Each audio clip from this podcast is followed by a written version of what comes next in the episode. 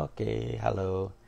Um, untuk pertama kalinya saya resmi uh, nyobain bikin IG live chat. Uh, hai, nama saya Charles Gozali dan terima kasih buat yang sudah bergabung. Uh, Oke, okay. dan ya sudah tersambung dengan sang master silat dari Indonesia. Kang Cecep Arif Rahman segera bergabung sebentar lagi. Wah, hati ya. Mas ada Re ada Reza juga itu. Siap, Halo, siap. Ya, terima kasih buat semua yang udah gabung. Uh, jadi langsung saja ya. Ini jadi sebetulnya di hari ini di tanggal 22 uh, 22 Mei tahun 2020 uh, kita sebetulnya sama Kang Cecep itu uh, saya Kang Cecep dan Jonathan sejak lama sudah uh, punya satu keinginan untuk bergabung.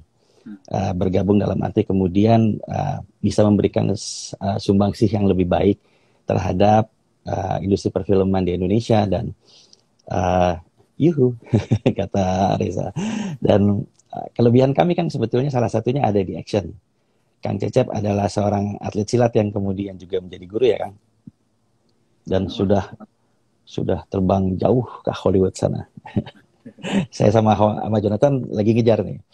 Uh, kalau Jonathan Ozo itu adalah seorang uh, stand koordinator yang uh, kalau menurut saya pribadi adalah yang terbaik di Indonesia dengan timnya yang mungkin uh, punya pengalaman dan skill serta alat-alat ya juga yang mungkin uh, bisa dibilang salah satu yang paling lengkap lah kalau bukan yang paling.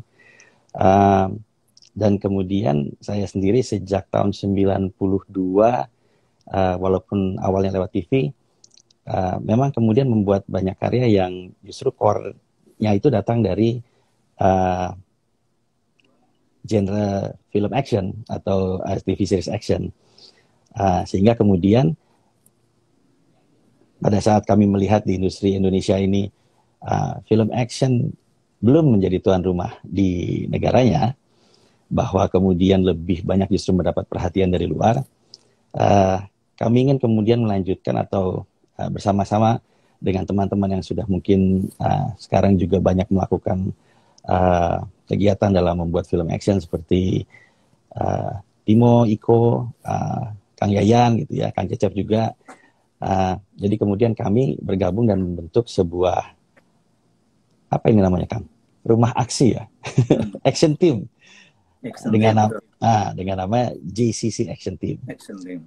Ya, JCC Action Team. Jadi di dalam JCC Action Team itu ada Kang Cecep sebagai uh, ahli koreografi dengan berbagai macam aliran bela diri. Walaupun silat adalah uh, utamanya, uh, Jonathan Oso sebagai stand koordinator dan saya sendiri sebagai action director. Nah, kita tuh beberapa kali tujuannya sebetulnya kepengen bikin sebuah short movie untuk kemudian uh, memperlihatkan apa yang kemudian bisa tim kami berikan. Kelebihannya di mana keunikannya di mana. Uh, tetapi sampai hari ini niat itu masih harus kemudian uh, membutuhkan waktu untuk mencapai tujuannya. Uh, tapi kata orang uh, segala sesuatu memang harus dimulai dari satu langkah. Dan ya sudah biarpun lagi pandemi lagi stay at home uh, tapi kemudian sekarang semakin banyak orang melakukan uh, aktivitas chat seperti ini misalnya live dan justru banyak mendapat sambutan.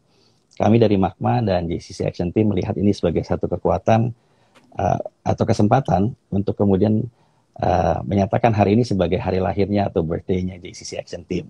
Hmm. Jadi terima kasih buat semua yang sudah bergabung karena berarti kita sama-sama di sini hari ini sedang merayakan uh, hari jadinya JCC Action Team. Nah mungkin Kang Cecep bisa uh, cerita dari mana kemudian kita pertama kali ketemu dan kenapa uh, kepengen bergabung sama-sama. Hmm.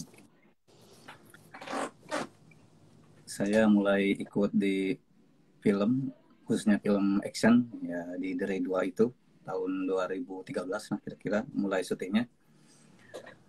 Lalu pengalaman pertama saya di film action itu walaupun baru action belum di dramanya karena di sana saya tidak ada dialog satu kata-kata pun.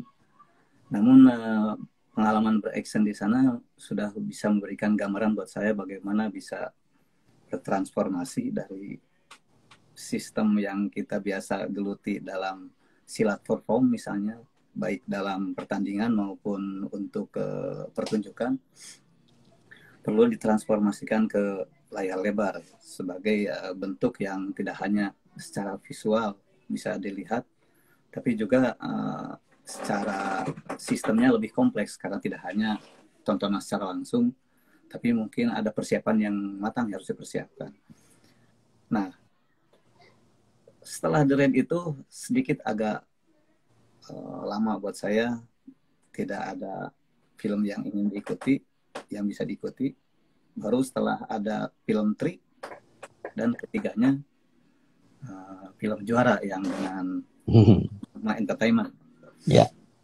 Nah, yang saya rasakan di Magma memang di Dere dekat keluarganya cukup kuat juga sama. Jadi jebolan Dere rata-rata pasti berteman dekat bisa dibilang hampir seperti dengan saudara juga. Nah, karena rata-rata memang di film seperti itu. Di Tri juga saya merasakan hal yang sama.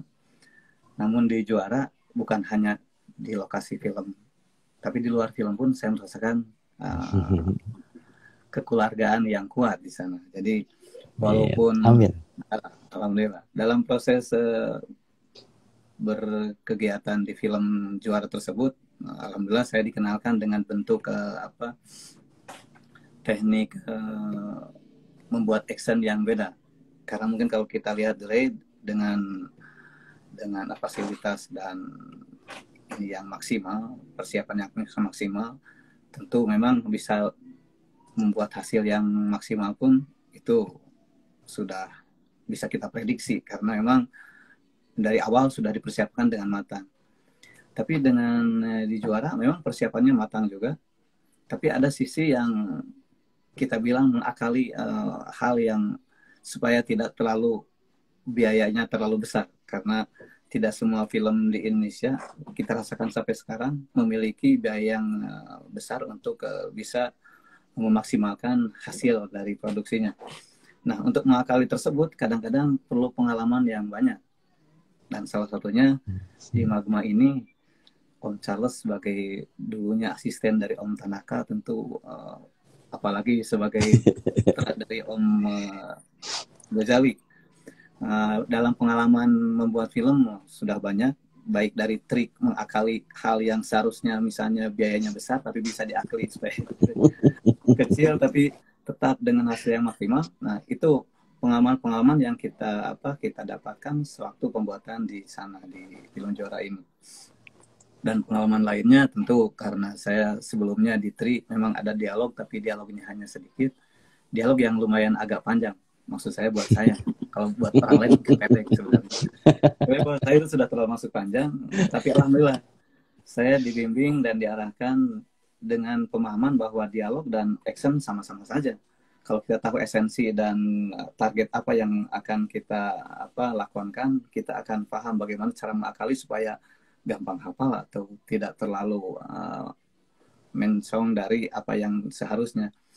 Nah dari pengalaman tersebut saya merasa bahwa uh, sebenarnya dalam apa dalam membuat film action pun kita harus uh, selalu ke belakang dan ke depan. Maksudnya ke depan kita memang selalu harus bereferensi dengan inovasi-inovasi masa sekarang, gimana uh, misalnya contohnya kita bisa ber apa ber, inovasi dan melihat referensi dari film-film contohnya misalnya Hollywood bagaimana mereka membuat film uh, yang bisa diminati uh, banyak kalangan tapi tidak menutup kemungkinan kita harus pun melihat ke belakang bagaimana film-film yang lama uh, bisa menjadi inspirasi dan uh, apa uh, referensi bagaimana kita bisa membuat film bisa maksimal tapi dengan uh, kondisi yang bisa disesuaikan. Contohnya sekarang dulu saya terlalu tidak terlalu apa detail kalau nonton film lama. Nah, sekarang kadang-kadang di Flix saya sering nonton film lagi utamanya yang action apalagi yang apa yang bisa dipilih. Bisa milih mana film yang ingin ditonton. Kadang lah kalau lagi ada waktu luang seperti sekarang saya habiskan dengan nonton seperti itu. Dulu mungkin tidak terlalu memperhatikan uh, bentuk-bentuk uh, teknik fightingnya itu seperti apa tapi yang sekarang saya malah perhatikan bagaimana uh, film dulu itu bisa membuat saya dulu waktu itu senang dan sekarang pun ternyata waktu lihat tetap ada rasa senang untuk melihat. Padahal uh, ada yang bilang mungkin itu sudah ketinggalan zaman atau apa tapi tetap ada unsur-unsur yang perlu kita perhatikan bahwa ini sebenarnya salah satu trik yang membuat orang dulu juga senang. Mungkin sekarang hanya perlu adaptasi saja. Nah dengan begitu pas Om Charles berkeinginan untuk membuat tim dan kata dan Bang Jonathan tim kita itu uh, harus memang benar-benar solid tapi juga merdeka. Maksudnya, maksudnya merdeka karena apa? Karena seperti tadi masing-masing uh, punya tim uh, sebelumnya. Uh, Om Charles dengan magmanya saya dengan Kasundannya, terus uh, Bang Jo dengan uh, tim uh, stannya. Jadi karena mungkin di bawah kita memang besar, maksudnya besar, uh, tidak hanya kita dan beberapa anak buah saja, tapi kadang-kadang seperti di belakang saya itu ada perguruan. Uh, jadi di perguruan saya contohnya dari anggota Kasundan itu ada yang jadi tim utamanya di Wise Team atau dari tim Kasuna itu ada yang eh, kadang-kadang terlibat dengan Kang Yayan tim. Kadang-kadang juga dengan tim stand yang lain. Hal itu tidak menentukan buat kita untuk memberikan keluasan ke mereka untuk uh, berbuat seperti itu. Tapi tetap kita harus punya rumah yang namanya kalau punya rumah uh, yang sudah kita tahu ingin bangunnya seperti apa, kita punya target dan tujuan yang akhirnya kita punya sesuatu yang apa direncanakan ke depannya mau seperti apa, apa yang kita kejar dan akan seperti apa yang akan kita uh, uh, prioritaskan. Nah itu yang Om Charles sampaikan ke saya kalau tidak salah. Kira-kira begitu. Ya? Kira-kira begitu. Dan tentu saja di belakangnya Om Charles banyak seperti ada Cilinda dan Om Daniel juga banyak lagi yang lain yang akan uh, apa mendukung uh, eh, GCC Action Team ini untuk supaya bisa lebih maju dan tetap berkembang sesuai dengan uh, zaman dan kebutuhan